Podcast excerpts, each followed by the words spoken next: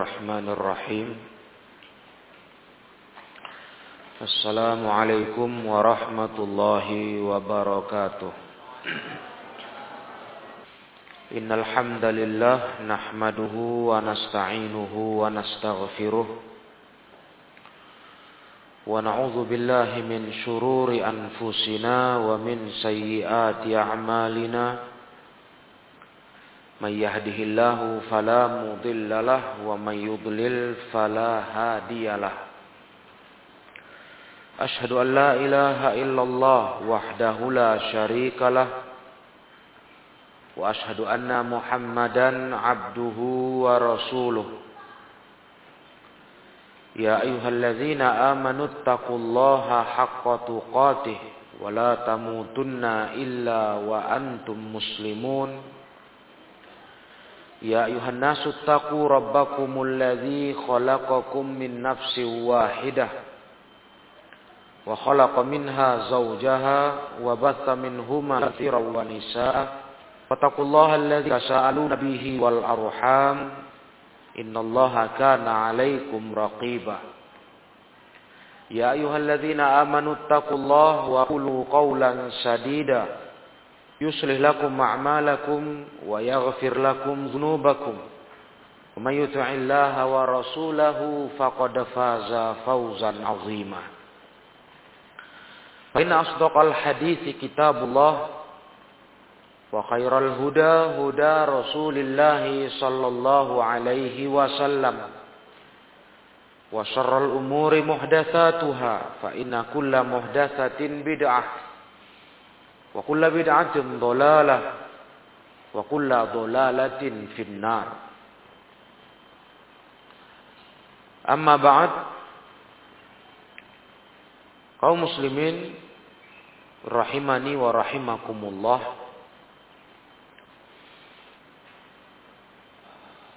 melanjutkan tafsir surah Yunus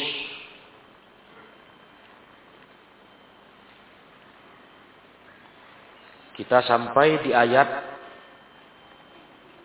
50 hingga 52 mengingat kembali tafsir sebelumnya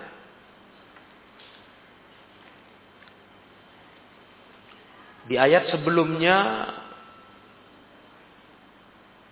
Allah ada menceritakan tingkahnya orang-orang yang tak beriman mendustakan dakwah Rasulullah sallallahu alaihi wasallam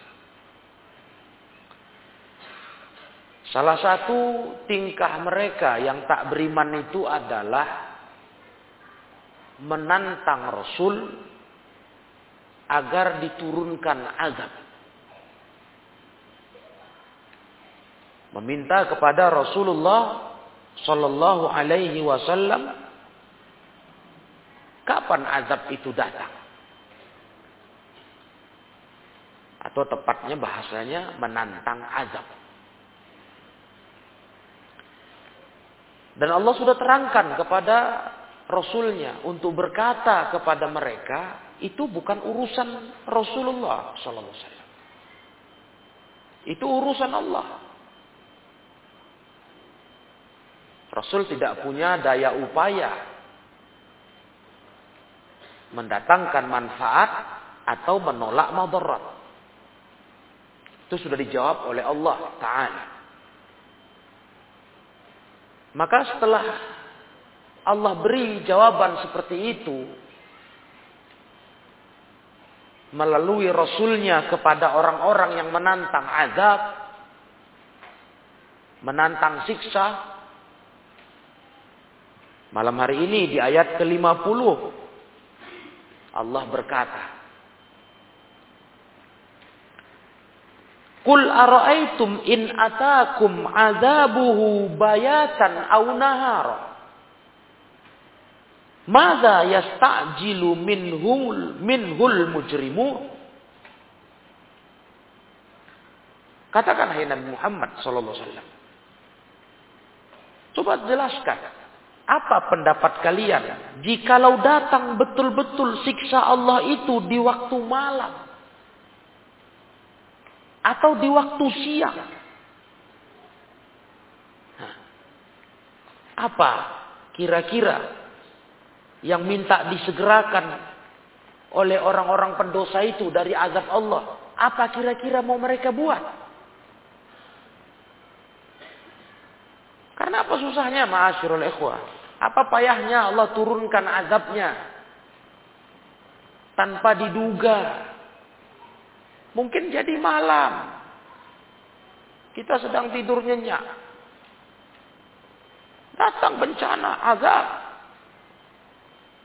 Atau di siang hari. Dalam kondisi kita merasa aman, tenang saja. Sepertinya harinya tak menunjukkan ada bencana, ada azab, tahu-tahu datang azab. Coba tanya ke mereka, katakan seperti itu kata Allah taala. Atumma idza ma waqa'a amantum bih? Di ayat 51. Apakah kemudian setelah azab itu betul terjadi, kalian baru mau percaya? Tunggu dulu begitu. Hai orang-orang yang mendustakan agama. Tunggu dulu datang azab itu betul-betul datang turun di siang hari atau malam. Baru kalian mau percaya.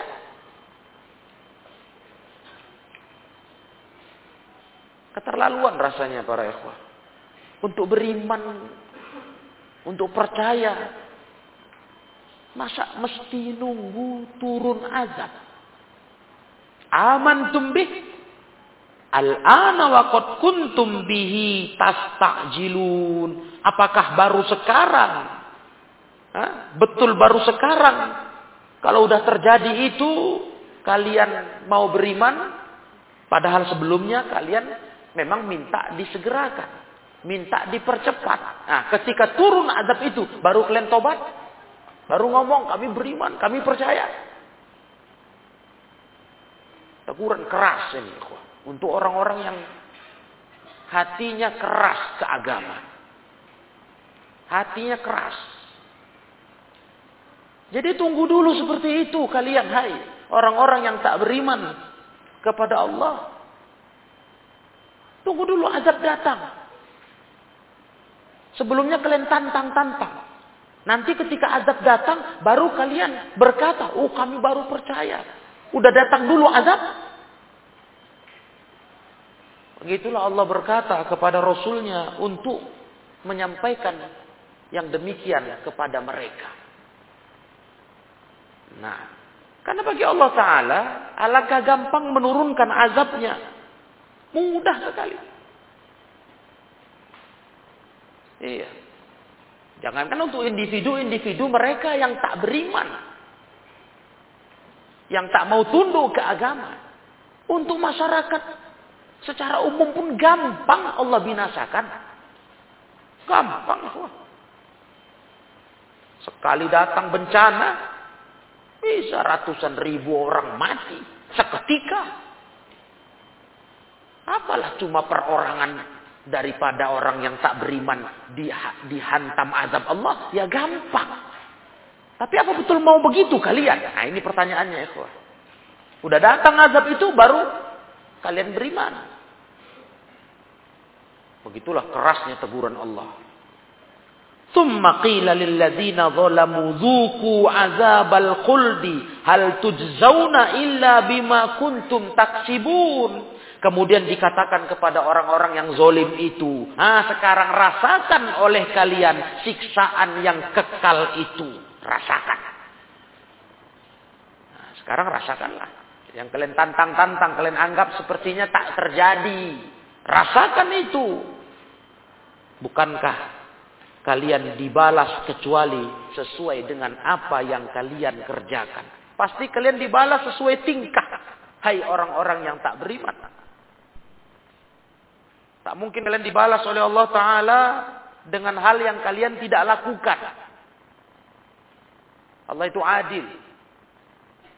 Makanya dalam kajian-kajian sebelumnya sudah kita yakini.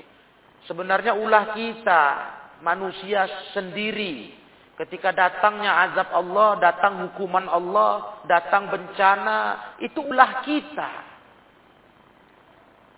Ya. Karena setiap kita buat pelanggaran-pelanggaran dalam agama, baik tingkat yang ringan, apalagi yang berat, kekufuran, kekafiran, itu semua adalah bentuk mengundang bala, mengundang bencana. Macam kita panggil dia. Ya Allah kalau mau mendatangkan azabnya gampang. Mudah. Nah, jadi makanya kalau kita ada problema di hidup ini, ada masalah, kita introspeksi diri, periksa ada apa dengan saya ini. Karena kita semuanya sebenarnya penyebab datangnya bala. Petaka. Itu yang menimpa umat terdahulu. Sudah kita kaji. Berapa ayat sudah. Bagaimana binasa umat dahulu karena dosa-dosa mereka. Karena tingkah mereka dengan kekafiran dan kemaksiatannya. Ya. Dalam kondisi mereka orang-orang yang generasinya diberi Allah kehebatan, kekuatan, kemapanan, kecukupan, kekuasaan. Musnah semua. Binasa. Gara-gara ulah-ulah mereka. Ulah-ulah mereka. Nah, begitulah masyurul ikhwah yang dirahmati Allah. Ayat 50 sampai 52. Maka kata Syekh As-Sa'di ketika Allah berkata kul ara'aitum in atakum azabuhu bayatan yaitu waktu naumikum billail kalimat bayatan Datang kepada kalian azab Allah di waktu bayatan. Bayatan maknanya waktu kalian tidur malam. Ada ayat khusus masalah itu ya apakah merasa aman kalian kata Allah ayat tiakum ba ayat tiakum ba bayatan. Nah, ayat tiahum ba suna bayatan wahum naimun. Apa merasa aman? Datang azab kami di tengah malam dalam kondisi orang-orang itu lagi tidur, tidur nyenyak. Datang azab. Datang bencana. Apa merasa aman mereka kata Allah? Hah? Atau apa mereka merasa aman? Ayat tiahum ba'suna duha wahum yala'abun. Datang di waktu duha, pagi hari. Dan kondisi mereka sedang main-main, sedang bergembira. Siapa duga ikhwah? Kalau bencana datang, siapa duga? Kita punya banyak contoh. Khususnya di negeri. Siapa yang duga? Mereka nggak pernah mengira dengan datangnya azab Allah tengah malam atau e, pagi hari mereka binasa nggak bisa lagi merasakan dunia ini. Habis. Nah, itu kejadian ya, Di zaman kita, di waktu kita hidup sekarang banyak contoh. Belum lagi cerita di masa lalu. Udah banyak contoh. Nah, itu maksud bayatan. Nah, begitu pula para ikhwah. Au naharon ai ai uh, au naharon fi waqti ghaflatikum atau datangnya siang di waktu kalian sedang lalai Ya, sedang lalai dalam arti merasa merasa aman, merasa tenang. Waktu pagi, cerah hari. Naharon. Di saat kalian sedang lalai, fi waktu ghaflatikum, madza yasta'jilu minhul mujrimun, ay ayu bisyaratin ista'jalu biha wa ayu iqabin ibtadaruha. Kalau udah itu terjadi, kira-kira apa yang mereka minta dikejarkan lagi Kabar gembira apa yang mereka bisa harapkan kalau sudah datang azab itu? Kalau terjadi, wah, apa mau dibilang lagi? Apa mau dikata? Ayu bisyaratin. Kira-kira kabar gembira apa lagi bisa diharapkan? Yang mereka istajalu biha au wa ayu iqabin ibtadaruhu. Dan kira-kira hukuman apa lagi yang mereka minta disegerakan? Nah, ini datang sudah. Bisa ditanggung, bisa ditahan. Tentu tidak. Azab Allah itu teramat berat. Besar masalahnya para ikhwah rahimakumullah. Begitulah harusnya berpikir seorang yang beriman. Tidak seperti mereka-mereka yang seperti kita baca di ayat sebelumnya. Saking, saking pongahnya, sombongnya, ditantangnya azab. Seakan-akan tahan dia dengan azab Allah yang datang tiba-tiba seketika tanpa diduga. Tanpa diduga kaum muslimin rahimakumullah. Tanpa diduga. Azab Allah datang tiba-tiba menghancurkan mereka. Kaum muslimin yang dimuliakan Allah tabaraka wa ta'ala. Asumma iza ma waqa'a amantum bih. Apakah kemudian kalau sudah terjadi itu kalian beriman? Fa innahu la yanfa'ul iman hina hululi azabillah. Waktu itu enggak akan berguna iman yang kalian akui kalau sudah terjadi azab Allah. Iya. Kalau sudah nyawa di ujung tanduk para jemaah. Yughargir sudah di kerongkongan. Mana ada lagi kesempatan tobat untuk beriman. Ketika azab sudah datang menerpa, menghancurkan manusia. Nggak ada guna lagi mengaku beriman. Sadar itu. Nggak ada guna mau tobat, mau sadar, saya tobat. Nggak bisa. Memang begitulah manusia ini ya. Kayak gitu modelnya. Tunggu dulu dikasih Allah teguran keras. Nah baru dia sadar. Tapi terlambat. Ketika belum datang teguran Allah Ta'ala, belum datang azab, bertingkah. Bertingkah. Nah, begitu datang teguran keras, baru kalang kabut, baru berkata saya tobat. Ya, kalau belum nafas, mau lepas, belum dicabut nyawa, atau mau meninggal dunia, di ujung tanduk sudah, di kerongkongan nafas itu. Ah, bolehlah bisa tobat. Tapi kalau udah begitu kondisinya mana bisa tobat? Kan nggak bisa ya, kok. Ditutup pintu tobat kata Rasulullah. Kalau sudah terjadi dua perkara. Sebelum dua perkara ini terjadi, tak ada cerita tobat ditutup. Masih terbuka. Tapi kalau sudah dua ini terjadi, ditutup pintu tobat. Sudah terbit matahari dari barat. Sudah yugharhir. Yugharhir kata Rasul. Dari kerongkongan nafas itu. Sakratul maut. Kan nggak seperti itu orang beriman. Jadi kita ambil pelajaran ya kuah. Ini menegur orang-orang yang tak beriman itu. Nah, kita ambil pelajaran ini. Alhamdulillah kita beriman sudah. Nggak seperti mereka di zaman Nabi yang menentang agama. Di jalan iman ini ya, namanya orang hidup, manusia. Banyaklah tingkah laku. Banyaklah ulah. Nggak pernah habis itu. Kita sadar dalam hidup ini nggak bisa kita berharap diri kita dan siapa pun orang di dekat kita, sekitar kita, tak punya ulah. Itu nggak bisa. Nggak bisa ideal. Ah, maunya jangan berulah lah, jangan ada masalah. Nggak bisa. Pasti aja ada, pasti. Karena begitulah itu sifat manusia. Anak Adam. Tapi yang tadi saya katakan para kita punya ilmu, ambil pelajaran generasi dulu kayak begitu. Yang kita tak ingin mengulangi kesalahan yang sama. Nah, kalaupun kita punya masalah dalam hidup ini, punya tingkah yang buruk, kita cepat kembali ke jalan Allah sebelum terjadi azab. Cepat tobat, mundurlah. Jangan terus maju di jalan yang salah itu. Mundur. Kembali ke jalan Allah. Tinggalkan jalan dosa. Tinggalkan jalan neraka.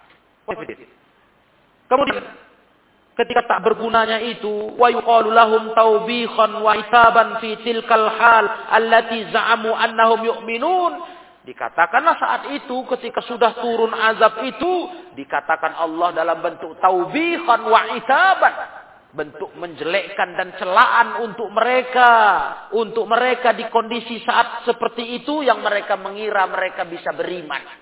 Apa kata Allah Taala? Al-ana tu'minuna fi halis syiddati wal masyaqqah. Sekarang ini baru kalian cerita mau beriman di kondisi sudah terjepit begini, sudah hampir binasa.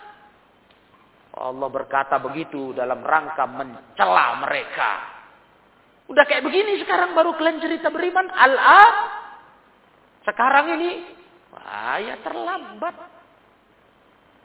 Kita kan sering begitu ya. Kuat. Itu sifat dasar kita manusia. Macam lah kalau kita mau akui ya. Kita introspeksi, merenung. Macam lah. Penyebab faktor kita ini banyak banyak di jalan salah. Jatuh dalam dosa. Macam. Kadang karena kalah sama nafsu yang begitu besar. Hawa nafsu itu dipertuhankan kali, dituruti kali. Kadang-kadang karena akal pendek, nggak mikir dulu matang-matang. Nah, nggak mikir dulu akibat buruk, bagaimana nantinya. Nah, itu dia. Pokoknya macam lah para jemaah. Faktor-faktor yang membuat manusia ini menyimpang. Macam. Nah, oleh karena itu Allah Ta'ala mengingatkan kepada kita. Tentang orang-orang dulu. Apakah sekarang waktu turun azab kalian mau cerita beriman? Waktu kuntum bihi tastajilun. Kalian sebelumnya minta-minta disegerakan azab itu. Begitu datang, ah, udah terjadi. Udah nyawa di ujung tanduk, baru kalian ngomong, kami beriman.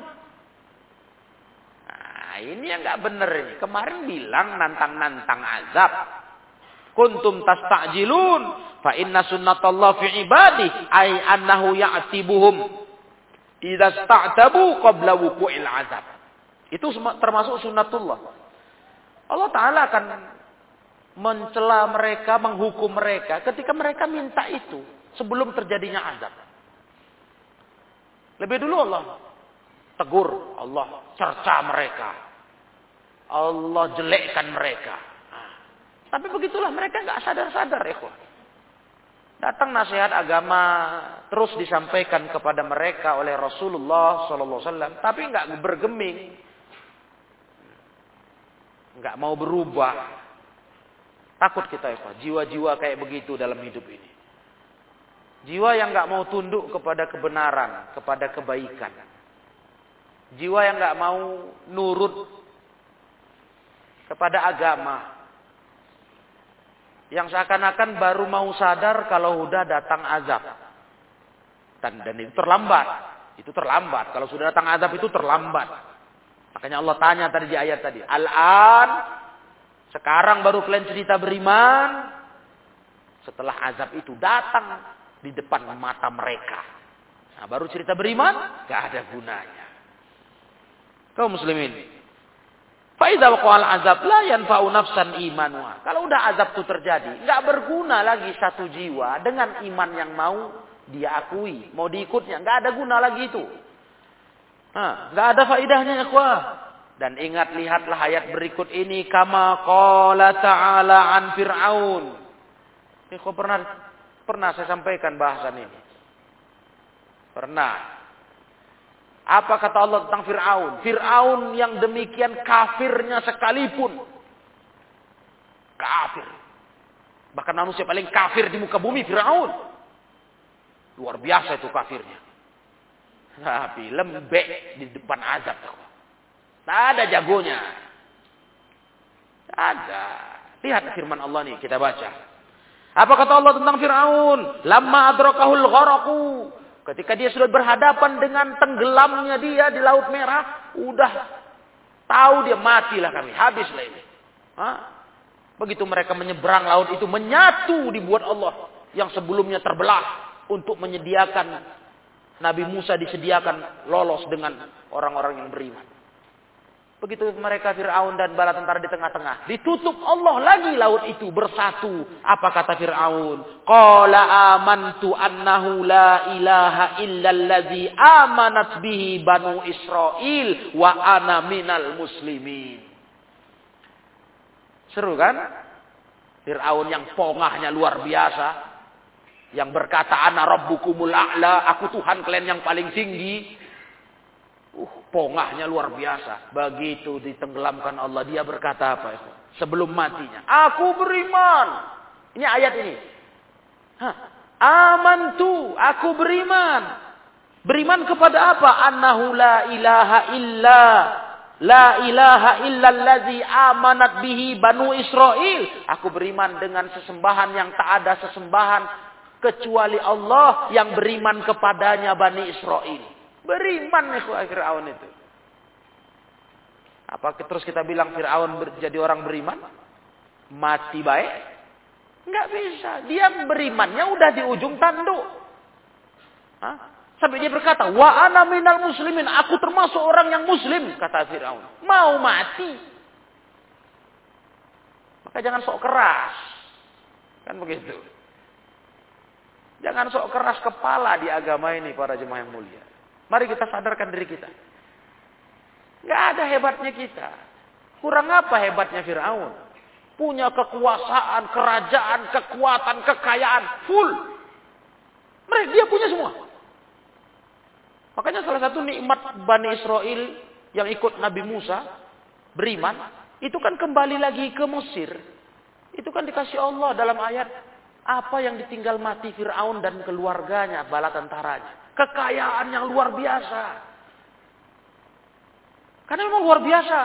Fir'aun itu hmm, raja yang betul hebat. Tapi lihatlah. Dengan azab Allah, apa mampu dia? Bahkan menjelang matinya yang itu tak berguna lagi, dia beriman. Kok dia beriman, lembek dia. Udah nengok laut itu menyatu, lembek dia. Nah, langsung berkata, aku beriman dengan sesembahan yang tiada sesembahan kecuali dia. Yang beriman kepadanya Bani Israel. Wa ana minal muslimin. Aku termasuk orang yang muslim. Uh. Fir'aun masuk Islam kata orang. Ya. Cuman kan kita semua berkata apa? Itu percuma. Percuma. Nah, itulah nikmatnya kita baca Quran. Tahu kita sejarah. Nggak bisa ada manipulasi di sini. Iya.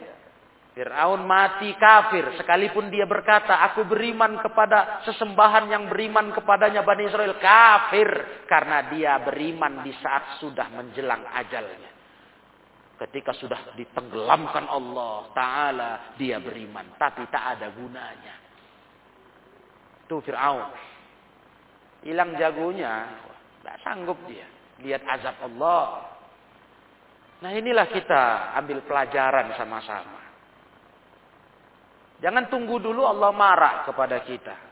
Murka. Dengan dosa-dosa kita kepadanya. Nah, kuat kita. Kita lemah.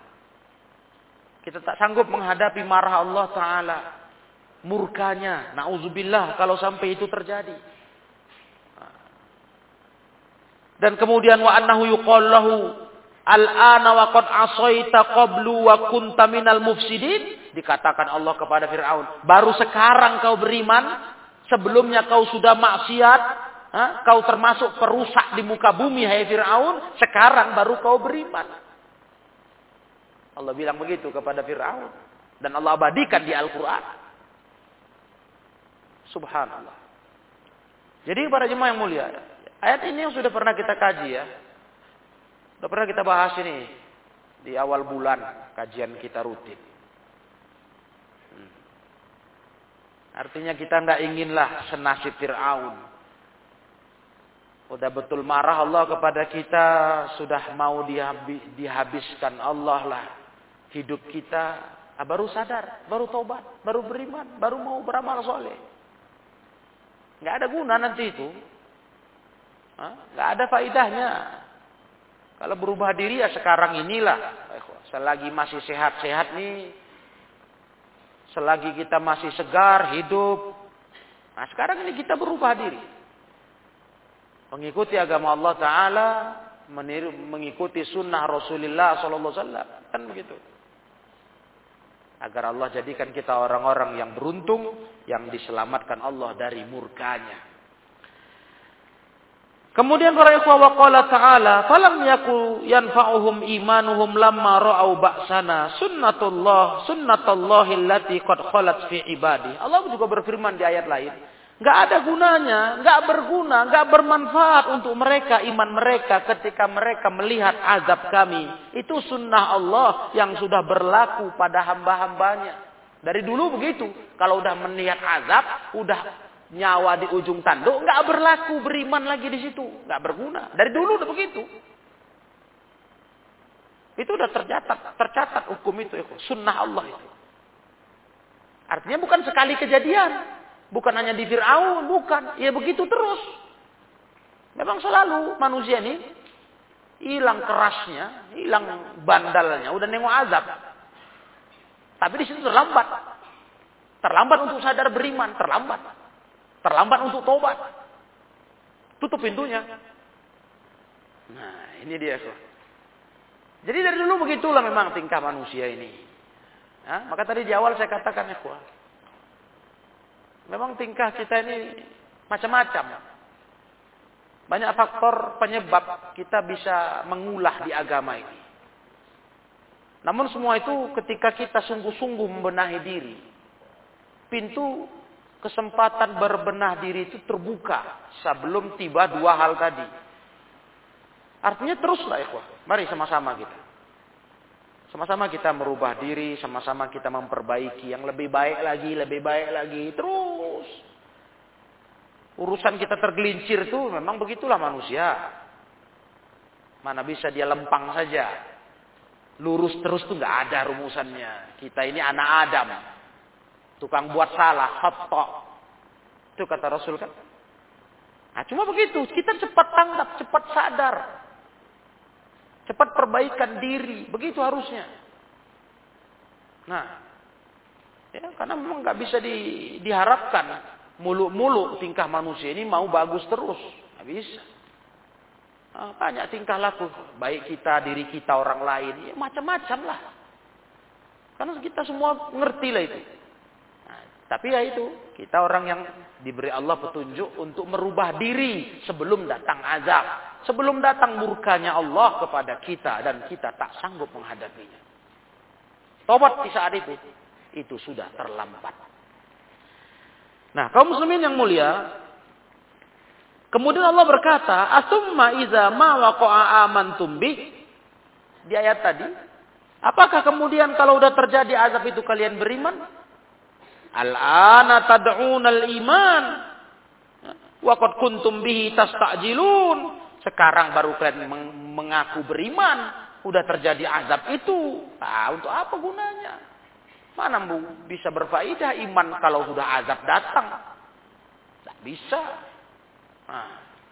Waqad kuntum bihi tastajilun hadza ma amila amilat aidikum wa hadza mastajaltum bih. Nah, kalian dulu kan yang minta disegerakan kata Allah. Nah, inilah ulah tangan kalian, inilah ulah tangan kalian, ini yang dulu kalian minta disegerakan. Datang kan? Datang azab itu. Baru nampak lemah manusia. Baru terlihat. Nggak ada yang kuat. Nggak ada yang sanggup. Sekeras Fir'aun pun lembek tadi. Ya, kita semua tahu bagaimana sejarah Fir'aun ini. Luar biasanya. Jiwanya betul-betul rusak. Betul-betul keras, sombong. Hmm. Manusia yang sangat luar biasa durhakanya kepada Allah. Ah, begitu lihat azab, lembek. Baru mau beriman. Apa guna? Maka alhamdulillah ikhwan fillah. Kalau kita sadari betapa bersyukurnya kita dikasih Allah hidayah. Betapa beruntung betul kalau kita betul-betul sadar ya introspeksi diri. Ketika Allah memberikan kita cahaya iman. Keinginan hati untuk hidup lebih baik di jalan taat. Itu luar biasa. Luar biasa itu. Harta termahal itu. Yang cukup sering ucapan ulama tentang hidayah ini kita bahas. Hidayah inilah harta termahal. Dari semua harta benda yang kita punya di dunia ini. Ya, melebihi mahalnya kita punya keluarga tercinta, anak istri, harta benda, aset berharga, dan sebagainya. Yang paling mahal hidayah ini. Luar biasa. Tanpa hidayah ini, kita nggak ada harganya di depan Allah.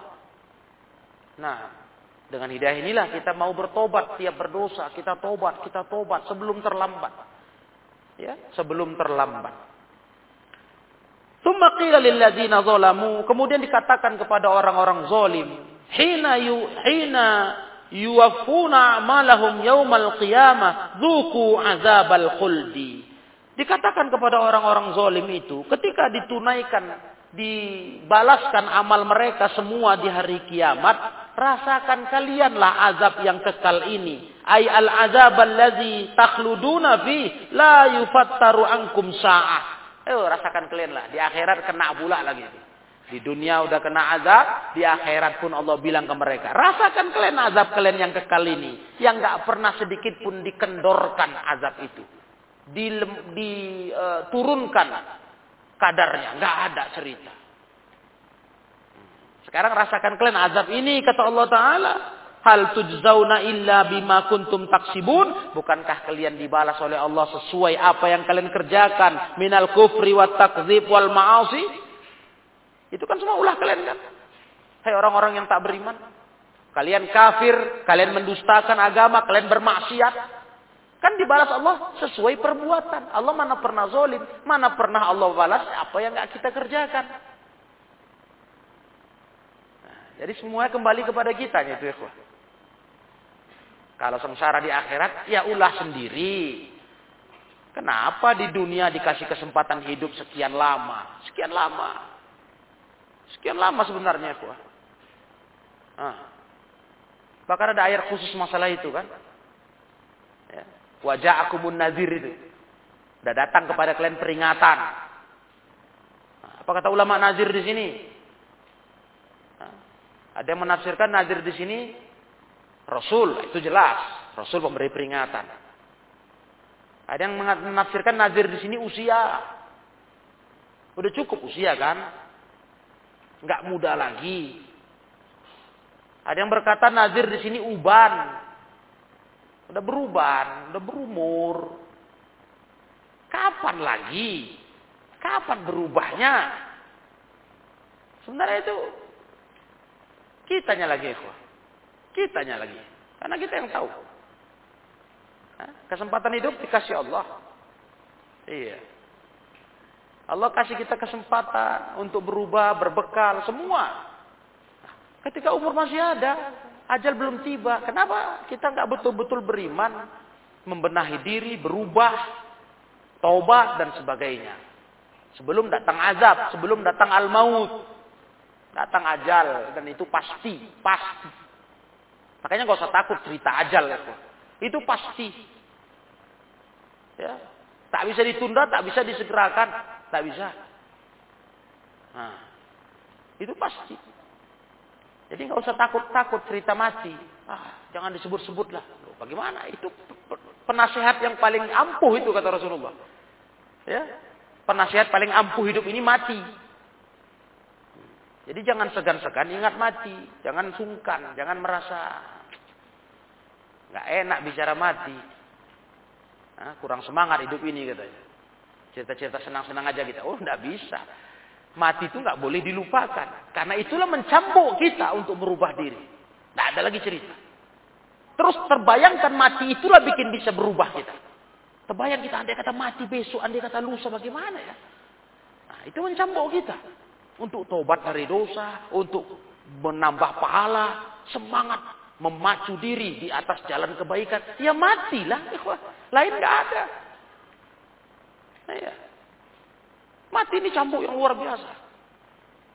Nah, agar kita nggak bernasib seperti orang-orang dahulu yang baru sadar diri waktu udah jumpa azab.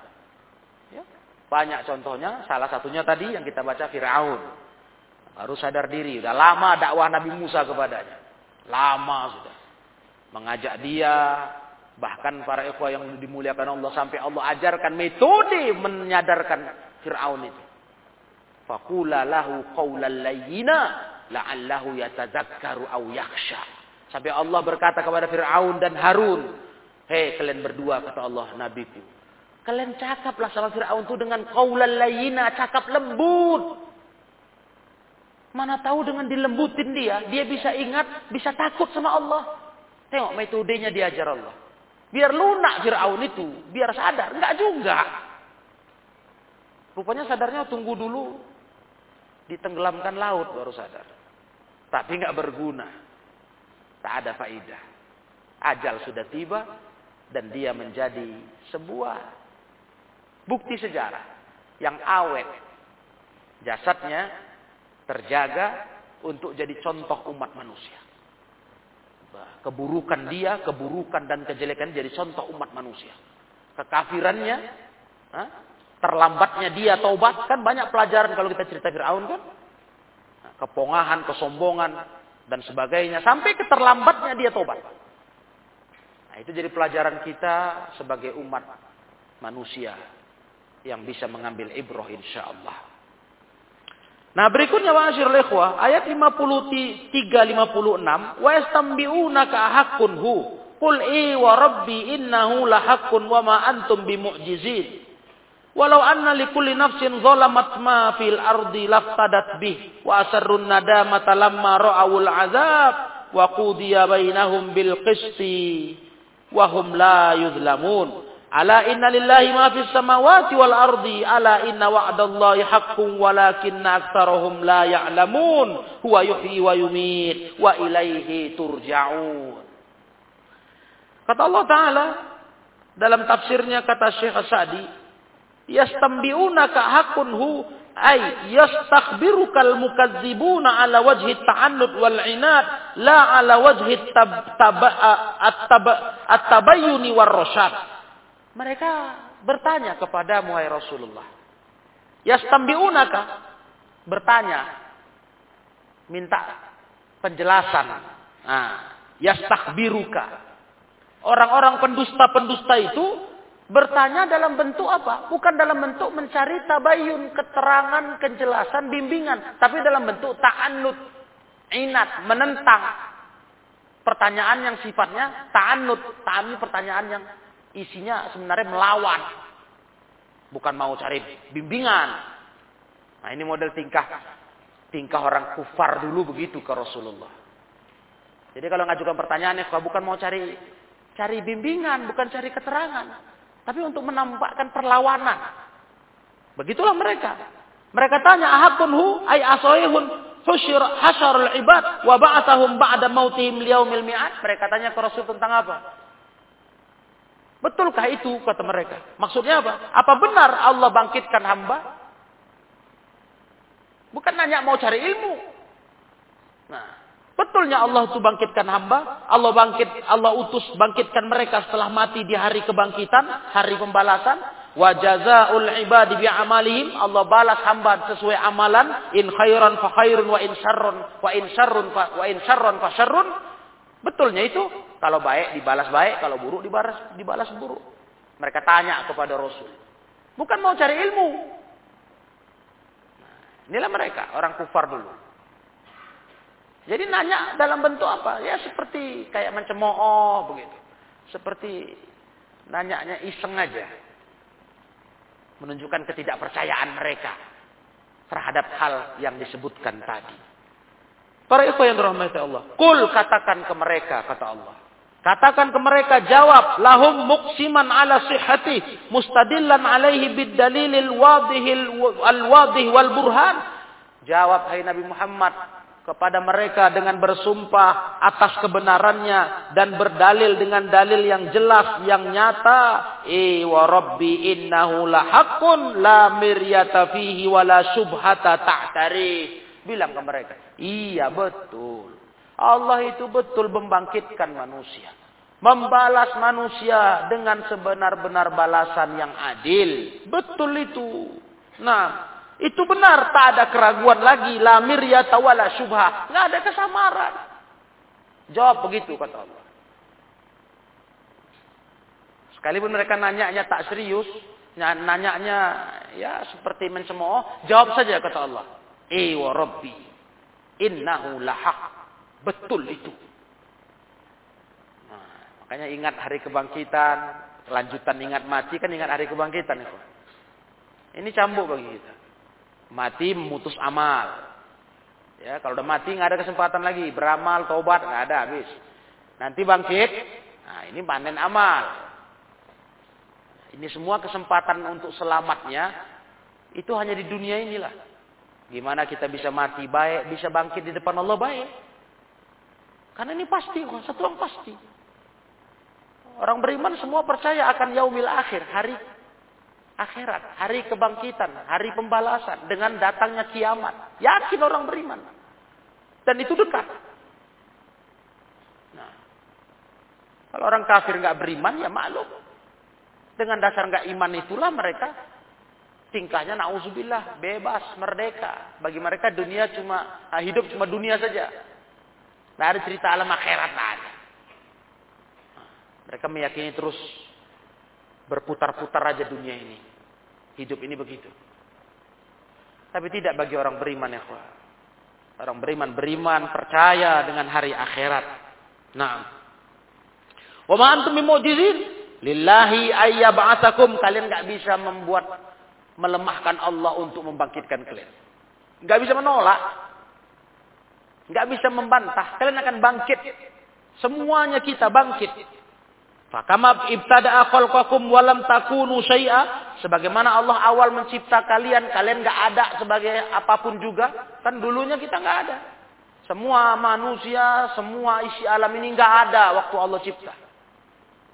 Maka begitu pula lah para ikhwah yang dirahmati Allah, kadzalika yu'idukum marratan ukhra liujazikum bi'amalikum. Begitulah Allah kembali membangkitkan kalian untuk kali sekiannya. Nah, dan di situ nanti Allah akan balas amal-amal kalian semua sesuai dengan amalan masing-masing. Jadi ada hari kebangkitan yang jadi beban pikiran kita. Bagaimana saya di sana nanti? Apa yang bisa saya banggakan di depan Allah? Apa yang bisa saya peruntukkan untuk diri saya dari amal soleh? Karena itu jadi beban kita. Jadi apa? Target hidup. Beda orang nggak berapa agama, nggak ada ke situ pikirannya para jemaah. Kita lihat kebanyakan manusia program akhirat nih ya ala kadarnya saja lah, asal jangan lupa. Padahal itu yang akan dia bawa mati. Itulah modal dia nanti. Amal akhirat. Nah.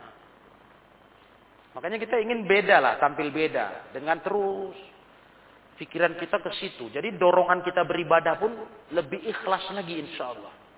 Betul ya Pak?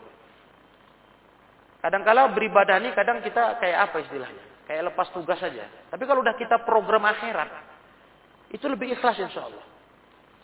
Ya ini dasar kita ibadah itu bukan lagi cuma takut terjerat hukum. Kalau nggak beramal, kalau melanggar larangan. Enggak.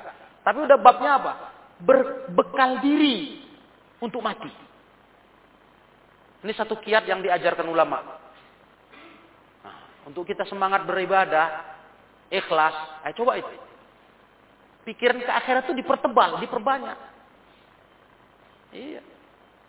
Itu yang ada di otaknya para sahabat Nabi Ridwanullah alaih majma'in. Cinta akhiratnya besar kali mereka. Bukan berarti dengan pikiran akhirat terus-terus dianggap, dibayangkan, oh, mereka nggak menikmati dunia. Enggak, mereka nikmati yang halal. Mereka hidup normal. Bukan terus mereka orang yang terobsesi mau mati cepat. Enggak. Sampai bunuh diri misalnya. Kepingin cepat mati, cepat masuk surga. Enggak begitu. Mereka normal hidup. Beraktivitas, tapi cerita untuk akhirat itu luar biasa besar. Dan ketika dihadapkan dengan sebuah syariat hukum yang sekalipun beresiko kematian, mereka tenang dan siap karena mereka begitu. Intinya menjalankan agama ini. Dia jadi jihad, mereka jadi. Walaupun jihad itu mengancam nyawa, mutus kehidupan. Nah, ini semua jadi pelajaran kita. Generasi hari ini untuk serius betul-betul melaksanakan ku anfusakum. Coba jaga diri kalian kata Allah. Jaga diri kalian dari api neraka. Jaga keluarga, wa ahlikum. Jaga keluarga dari api neraka. Ku anfusakum wa ahlikum. Nah, kemudian ma'asyiral ikhwah rahimakumullah, wa idza kanatil qiyamah falau anna likulli nafsin zalamat bil kufri wal ma'asi jami'a ma fil ardi min zahabin wa fiddatin wa ghairihima laftada bihi min azabillah. Kalau nanti udah jadi, udah ada hari kiamat, udah terjadi. Maka kalaulah satu jiwa itu yang buat zalim, dia buat dosa kekafiran, kemaksiatan, dia punya semua isi bumi.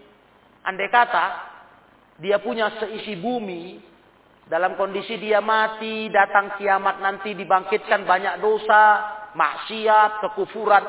Mestinya, pasti orang ini nanti akan menebusnya. Walaupun seisi bumi hartanya. Dia akan bayar demi nebus diri. Begitulah cari selamatnya. Allah gambarkan begitu. Maknanya apa ya? Maknanya hari itu sangat mengerikan. Sampai-sampai andai kata ada, paling nggak ada kan? Ada orang punya dunia seisinya. Jami' mafil ardi. Dia akan bayar itu untuk nebus. Jangan sampai dia diazab karena kufur dan maksiatnya. Bayangannya kok, apalagi nggak ada. Dan di sana nggak ada gunanya, dunia seisinya nggak ada gunanya. Yang bisa bermanfaat amal. Bisa kita bayangkan itu. Kira-kira bagaimana ngerinya alam akhirat, kiamat. Sampai kalau kita punya aset harta seisi dunia ini, kita bayar. Biar lolos dari akibat kita selama di dunia hidup. Kufur dan maksiat. Itu udah jadi bayangannya kok kalimat ini dahsyatnya hari kiamat. Sampai orang rela kalau boleh menebus dengan kekayaan seisi bumi.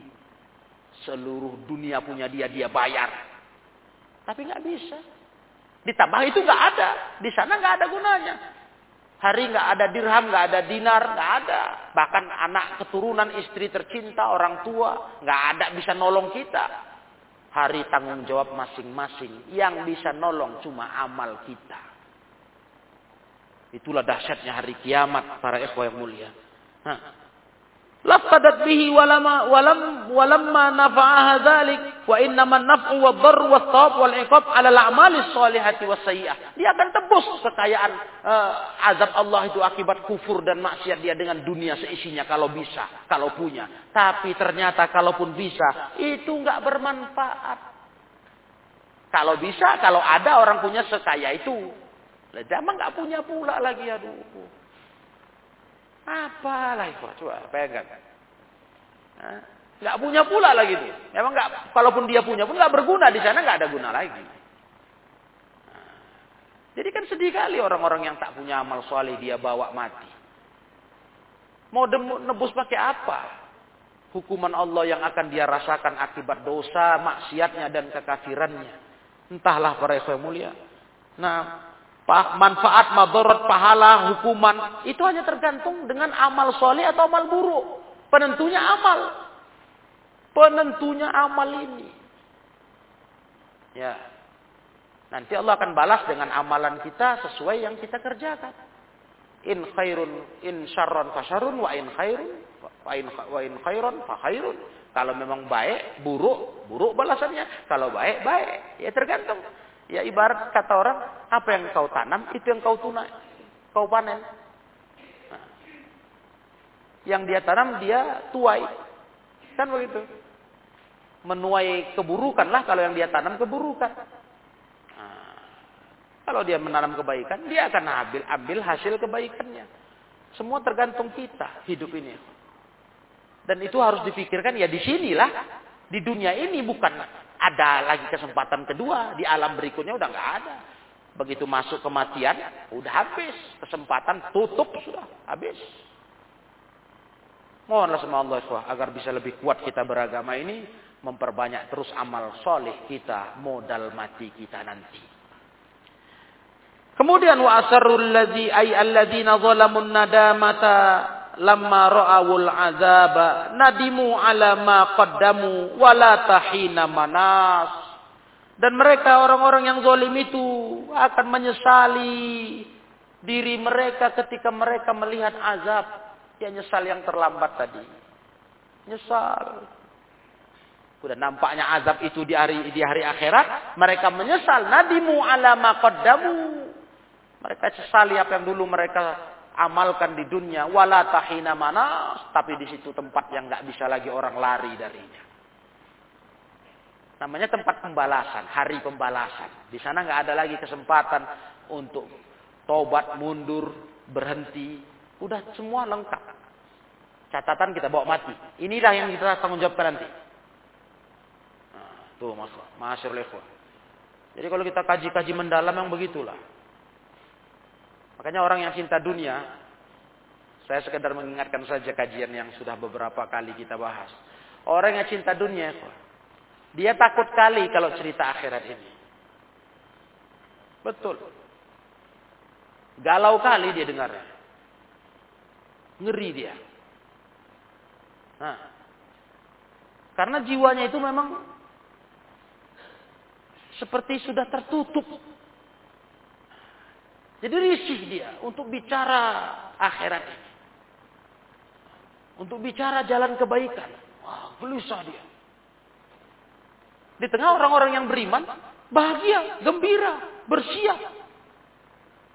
Nah, sehingga kalau kita sekarang melihat orang-orang yang jauh dari agama, resah, mendengarkan cerita akhirat ini, cerita agama, atau bahkan lebih parah lagi mencemooh, meremehkan, ya nggak usah digubris ikhwan. Memang memang mereka beda sama orang beriman. Memang mereka budak-budak dunia. Kata Rasulullah mereka budak-budak dunia. Jadi nggak nggak nggak sepemikiran lah, nggak sejalan. Ya nggak usah diurusi. Orang nggak masuk hitungan dan contoh-contoh kayak mereka itu udah sering kita dengar dari Al-Quran banyak contoh. Nah, bahkan yang jauh lebih hebat dari mereka seperti Fir'aun udah ada contoh penyesalannya terlambat. Begitulah mereka. Taib. Wa qudiya bainahum bil qisti. Di sana nanti diputuskan urusan mereka dengan adil. Bil qisti ay al adlu tam alladzi la zulma wa la jawra fihi biwajhin minal wujuh. Diputuskan dengan adil yang sempurna. Di sana enggak ada kezoliman. Enggak ada penganiayaan dari segala sisi. Pas. Berapa dikerjakan di situ segitu dibalas. Enggak ada melampaui batas enggak ada. Allah Maha Adil.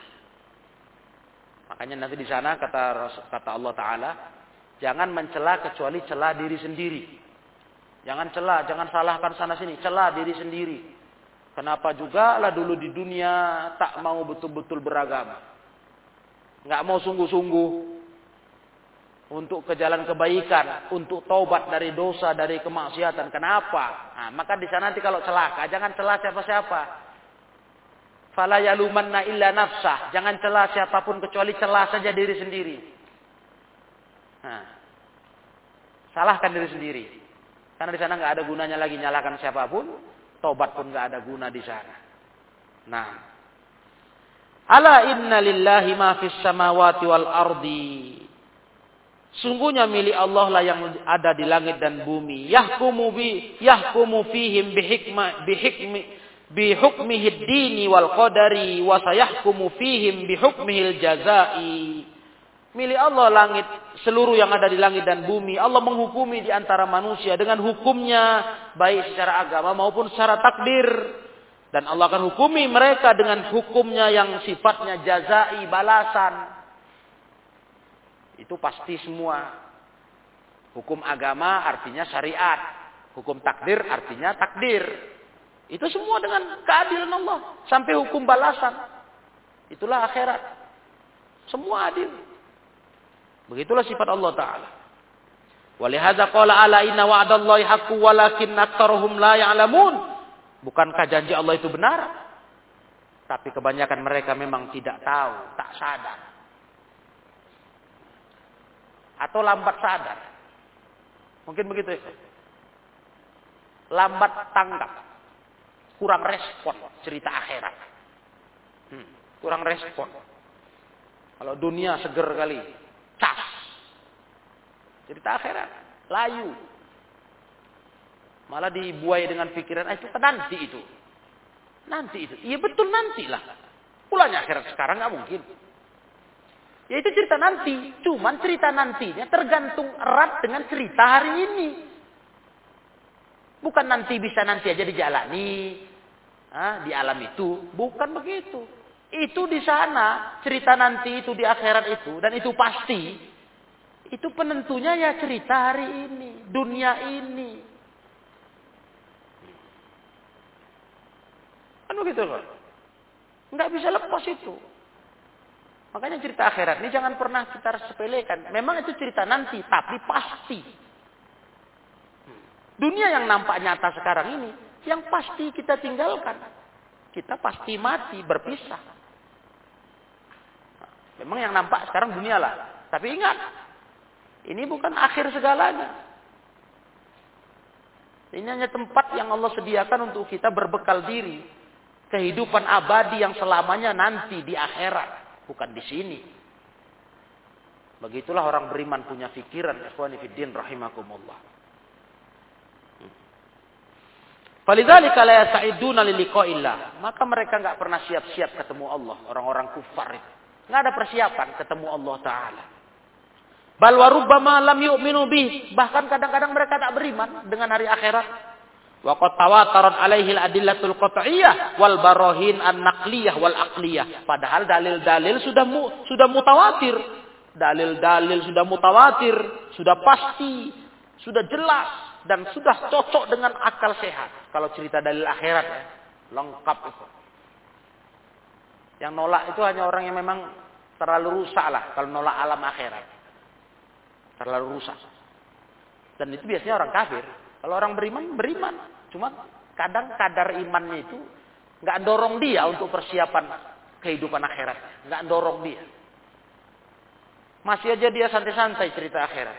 Nah, sekedarnya lah jangan lupa, jangan lupa. Nah, dunia inilah segalanya. Kalau dunia ini luar biasa perhatian kita ya. Coba cerita akhirat. Lemah, selayu. Kapan sempat, kapan tak tak repot, kapan tak sibuk. Kan begitu cenderung kita kalau cerita akhirat. Kalau cerita dunia, ah, tahu sendirilah kita. Kita lebih tahu nilai diri kita masing-masing. Baik. Nah di akhir para ikhwah Allah tegaskan huwa yuhyi wa yumit ai huwal mutasarrif bil ihya wal imata. Allah lah yang menghidupkan dan mematikan.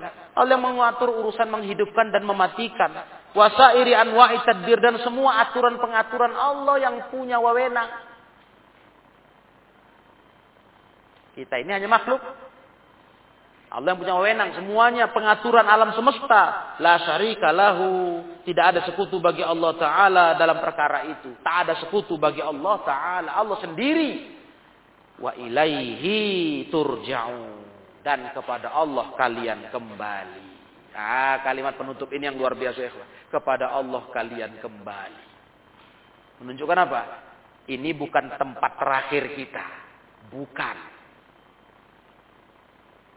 Para jemaah yang dirahmati Allah. Ini bukan tempat terakhir kita.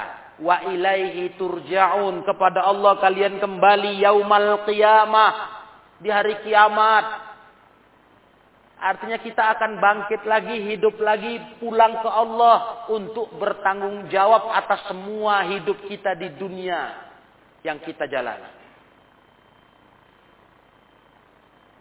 Sudahkah kita sadarkan hal itu, ma'asyurul ikhwah? Kita akan pulang ke Allah. Pulang untuk apa? Untuk bertanggung jawab. Gunanya apa? Syekh terangkan, fayujazikum bi'amalikum untuk Allah balas kalian sesuai amal kalian khairiha wa syarriha tergantung baik dan buruknya sesuai itu. Dan cerita kiamat dimulai dari mati. Artinya ketika kita mati udah kiamat kita. Kiamat kecil namanya. Hah? Mati itu kita udah kiamat. Man mata komat kiamat tuh. Siapa mati udah tegak kiamat bagi dia. Karena udah habis. Untuk diri dia kiamatlah dia sudah. Selesai. Nanti baru nunggu kiamat besar. Jalani dulu proses alam barzakh. Setelah alam barzakh baru alam akhirat. Habis. Di sana kekal kita. Abadi selamanya. Ya, demikianlah kaum muslimin yang saya muliakan. Alhamdulillah ayat 50 sampai ayat 56. Dapat kita tambahkan di kajian tafsir malam hari ini. Mudah-mudahan ini lebih menguatkan kita, menambah semangat kita. Kalau cerita-cerita bekal akhirat ini betul-betul lah. Berikan waktu. Siapkan diri untuk itu. Karena nggak ada yang sia-sia. Apa pun amal baik kita, walaupun sebesar biji zarrah, kita akan dapatkan hasilnya. Catatannya ada. Sama kayak keburukan, walaupun sebesar biji zarrah, kita akan rasakan balasannya. Nah, tahtal masyiah, di bawah kehendak Allah. Kalau Allah mau Allah azab, kalau Allah mau Allah ampunkan. Nah, jadi nggak ada sia-sia namanya cerita amal kebaikan, amal akhirat itu semuanya berguna. Bukan mesti yang porsi besar. Mungkin ada yang berpikir begitu. Nah, saya akan semangat kalau porsi besar. Ya, kelas kelas amalan itu besar. Kalau kecil-kecil saya kurang semangat. Nah, jangan, ya Siapa duga Mungkin dari amal kecil-kecil yang kita lakukan dari kebaikan itulah itu yang kita bisa bangga kelak berhadapan dengan Allah. Ya, amal kecil yang kita ikhlas tulus, rupanya amal besar yang kita rasa itu hebat kali, tak bisa dibanggakan itu. Kenapa? Rusak rupanya dengan niat yang nggak beres. Siapa yang menduga? Kan itu sifat manusia. Kalau udah besar cerita amal, besar pula lagi godaannya. Ternyata yang besar itu pula, na'udzubillah. Yang besar itu pula nggak diterima Allah. Kenapa rusak niat? Kotor niat kita. Ria, sum'ah. Mau ditengok, dengar, didengar orang, dilihat orang. Hah, apalah gunanya. Ternyata yang kecil-kecil yang kita rasa waktu di dunia, sepele. Tapi kita amalkan dengan tulus, ikhlas. Itu yang berfaedah. Yang berbuah pahala. Subhanallah. Nah, demikianlah ya, pembahasan kita hari ini. Semoga ini bermanfaat. Wallahu a'lam bissawab. Wa akhiru da'wana anil hamdulillahi rabbil alamin.